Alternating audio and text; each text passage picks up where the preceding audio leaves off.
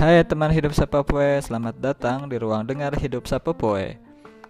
Media yang membahas informasi, pengetahuan, atau sudut pandang soal kehidupan sehari-hari dalam berbagai dimensi peran.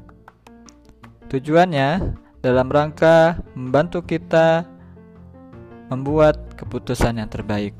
Karena kita hari ini adalah hasil akumulasi keputusan kita di masa yang di masa lalu.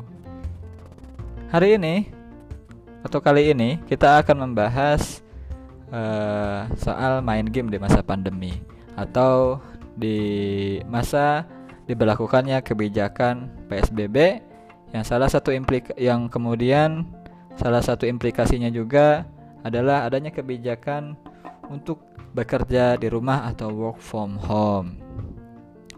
Bicara bicara soal main game, ada yang membahas atau banyak kita dapat temukan artikel-artikel berupa berita yang menyampaikan informasi uh, efek negatif dari bermain game, uh, terutama yang uh, mencapai tahap adiksi atau ketergantungan mulai dari pencurian, kemudian uh, apa begadang bermalam-malam, bahkan sampai membolos sekolah berbulan-bulan.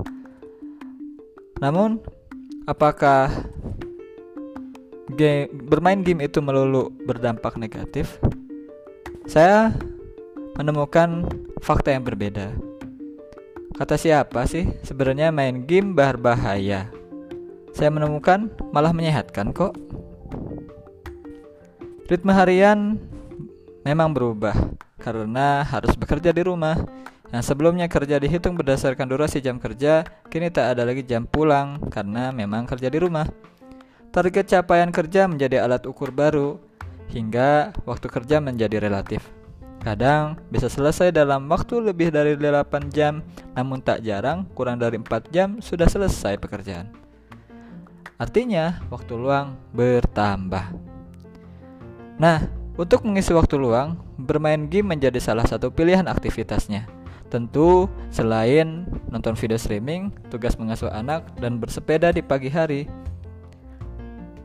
Data menunjukkan pada pekan pertama kuartal kedua tahun ini, 1,2 miliar kali game mobile pada platform iOS dan Android telah diunduh. Ini artinya meningkat 20% dibanding tahun 2019. Dengan rincian total pada iOS hampir mencapai 3 miliar kali, meningkat 20% dibanding tahun 2019. Sedangkan pada sistem operasi Android mencapai 11 miliar kali. Dengan jumlah unduhan ini, para pemain game mobile di seluruh dunia menghabiskan total 19 miliar dolar AS atau sekitar 274,7 triliun rupiah. Sebagaimana dirangkum Kompas Tekno dari Equal Ocean. Secara umum, rentang pemain game atau rentang segmen pemain game cukup luas. Bukan hanya pria muda, namun juga perempuan berbagai usia bahkan termasuk ibu-ibu. Bisa kita lihat data yang dikutip dan dipublikasi pada Maret tahun lalu oleh bola.com. Berdasarkan paparan direktur atau direktur MMA APAC Azalea Aina. Azalea menyampaikan hasil survei MMA di Indonesia 55% gamer adalah laki-laki dan sisanya perempuan.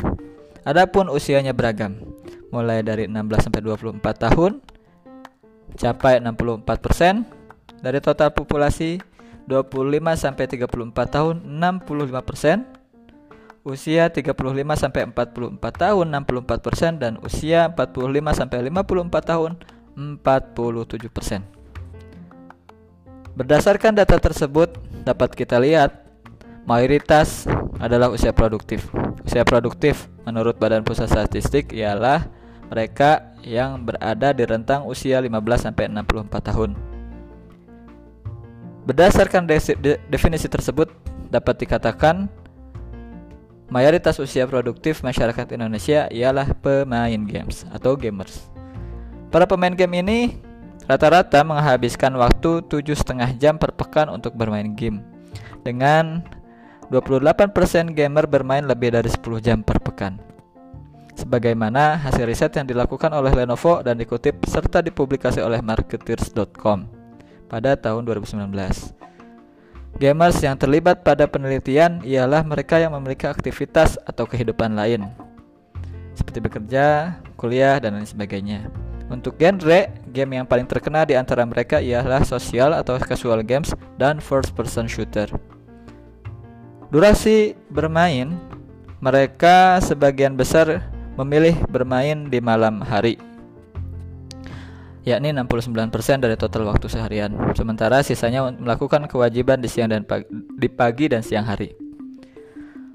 14% gamer mengatakan mereka bisa bermain kapan saja mereka mau, tapi sebagian besar mengatakan pekerjaan uh, dan keluarga kadang menjadi penghalang bagi mereka untuk bermain lebih sering. Yang mempersepsi bahwa pekerjaan adalah gangguan mencapai 67% dan keluarga 56%.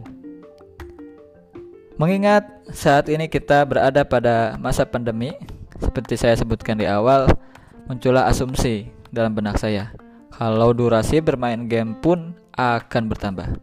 Untuk di Indonesia, sampai saat ini saya belum menemukan datanya, namun untuk di empat negara berikut durasi bermain game bertambah.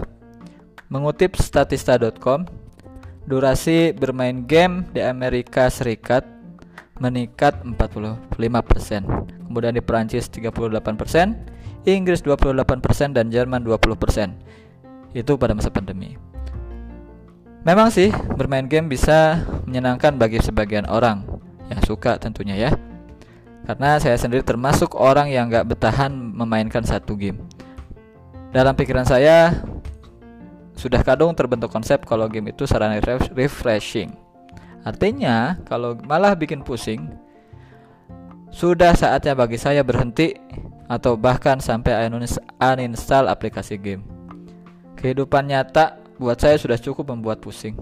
Bermain game buat saya gak worth it untuk membuat saya stres atau menambah pusing. Karenanya, kalaupun saya bermain game, saya pilih yang ringan atau tidak perlu berpikir.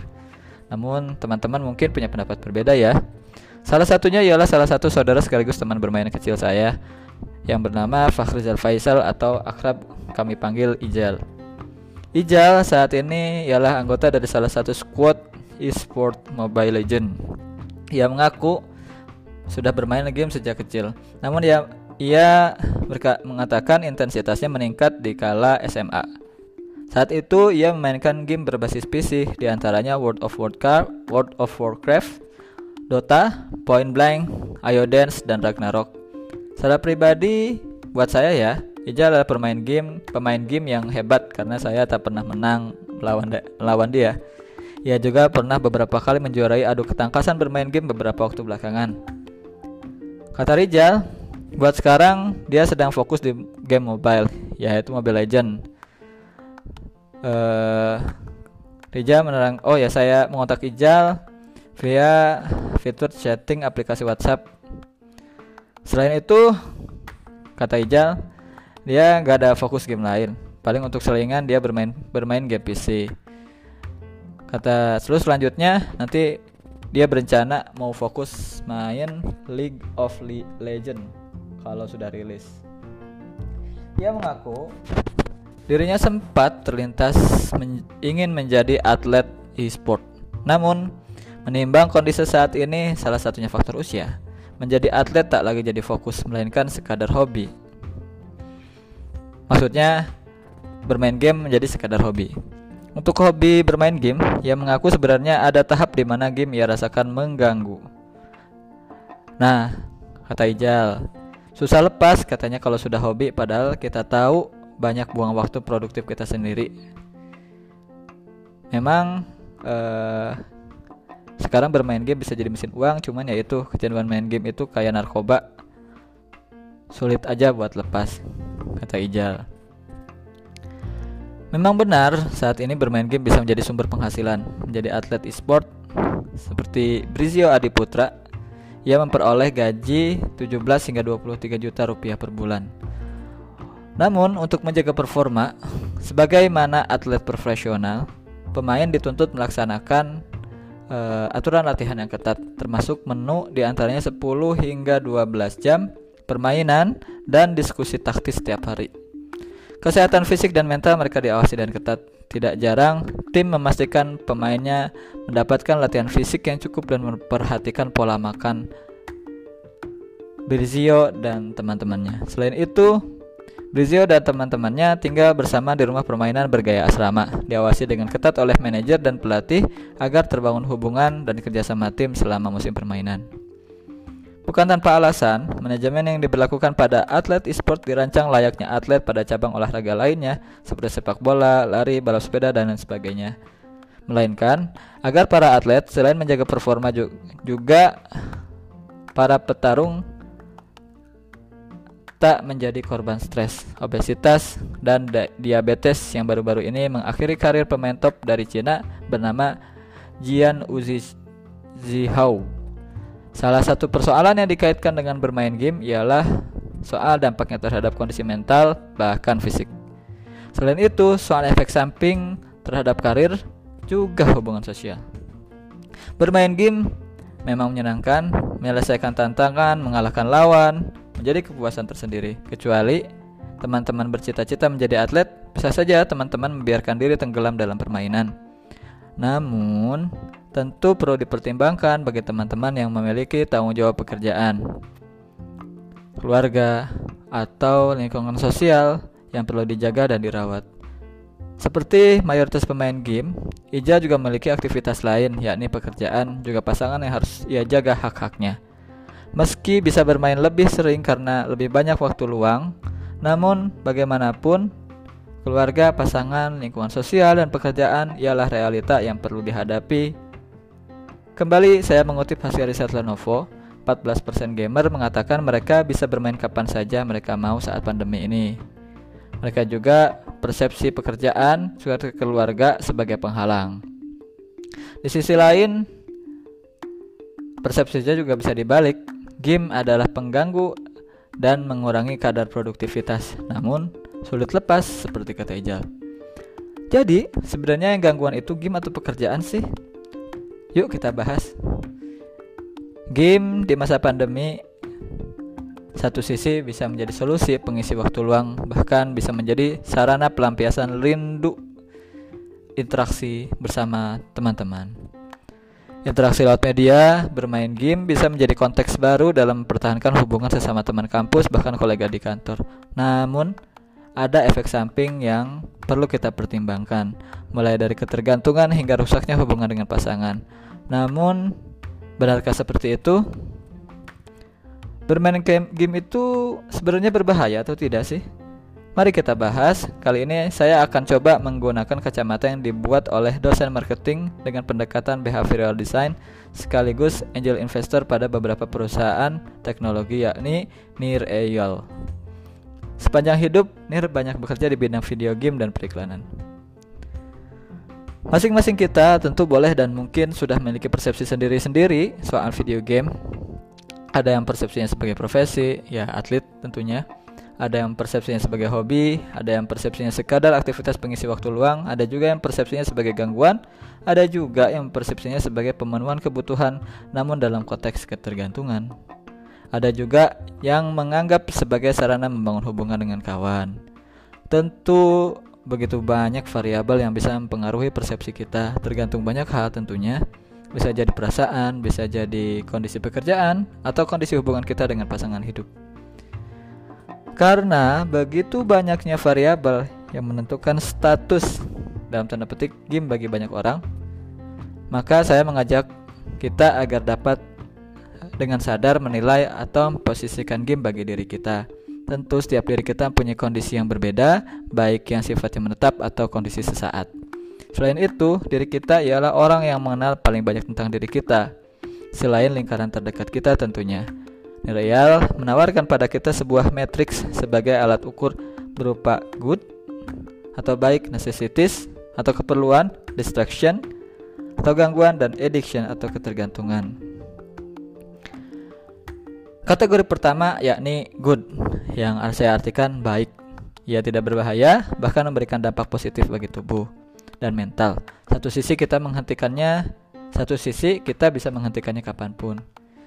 Kalau bermain game tak membahayakan, tak sampai merusak tubuh karena durasi panjang, dan kita bisa menghentikannya kapan pun, game menjadi tidak berbahaya. Bahkan nanti saya bahas di akhir bisa berdampak positif pada kesehatan. Kategori kedua, necessities atau kebutuhan. Mungkinkah game menjadi kebutuhan? Buat saya pribadi, tentu saja bisa. Karena pekerjaan sampai pada titik jenuh, ya kata ahli biasanya bekerja 90 menit nonstop.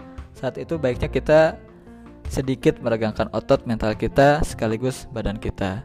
Nah, pada saat momen ini game bisa menjadi pilihan. Namun, memang sebenarnya agak memaksa jika menempatkan game mobile phone pada kategori ini.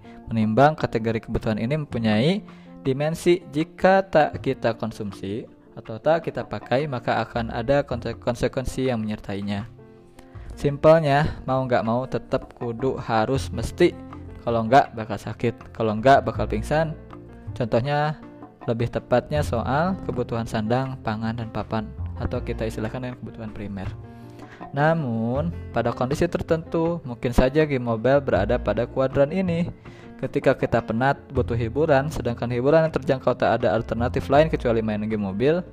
Misal, saat penat, namun peraturan kantor tak membolehkan. Ketika kita keluar kantor untuk menghirup udara segar, kemudian rekan kerja sedang fokus, sedang fokus pada pekerjaannya.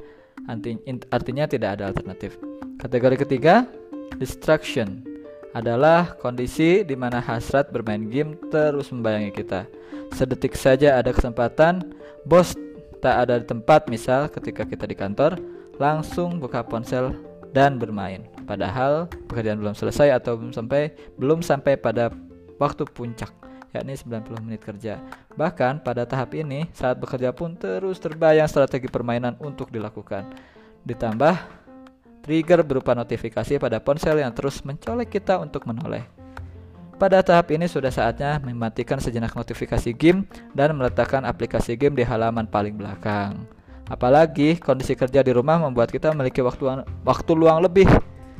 Perlu kesadaran serta lingkungan yang memadai agar dapat mengontrol diri di ruang waktu yang di satu saat bisa mencekik tanpa sadar. Yang keempat adalah tahap adiksi. Ya, kalau bermain game sudah sampai tahap ini, artinya kamu butuh bantuan orang, orang lain. Ini yang dimaksud Ijal, main game udah kayak narkoba. Kalau gak main game, malah uring-uringan kayak orang sakau. Pada tahap ini, sekalinya kamu ingin berhenti pun akan sangat sulit, bahkan tak bisa. Pekerjaan terabaikan, bahkan mungkin sampai kena SP. Kalau kuliah, kuliahnya sampai bolos satu semester. Bahkan pada beberapa kasus sampai nekat mencuri agar dapat bermain game. Pada tahap ini kita perlu bantuan orang tua, bahkan bisa jadi polisi. Ya, amit-amit ya. Di sisi lain, nah ini saya bahas ya, sisi positif dari bermain bermain. Secara umum sih, ini saya pakai pendekatan saja gitu ya. Di sisi lain bermain dalam konteks ini bermain game sebenarnya merupakan salah satu media relaksasi dan bersosialisasi. Apalagi mengingat pandemi COVID-19 belum sepenuhnya berakhir, Kemudian media-media pergaulan juga pertemuan jadi terbatas. Bermain bagi orang dewasa tetap diperlukan. Mengapa? Karena di tengah berbagai aktivitas yang padat, bermain bersama pasangan, teman, rekan kerja, binatang peliharaan, juga anak-anak dapat membuat kita tetap waras. Bermain dapat merevitalisasi daya imajinasi, kreativitas, kemampuan menyelesaikan masalah dan membuat kita lebih mampu mengontrol emosi sebagaimana disampaikan dalam salah satu artikel helpguide.org satu website yang memberikan kita edukasi soal mental health atau kesehatan mental. Sekian yang bisa saya sampaikan. Pesan terakhir dari saya, Bermula dari target pencapaian, kita menentukan jalannya. Agar sampai, perlu kita periksa diri secara berkala, memahami kemampuan diri, mengetahui kapan waktunya memberikan jeda untuk sekadar bernafas atau meneguk segelas air. Bisa juga untuk sekadar bermain. Tentukan tujuan, tentukan jalannya, jangan biarkan dirimu terlem, terlena pada jeda.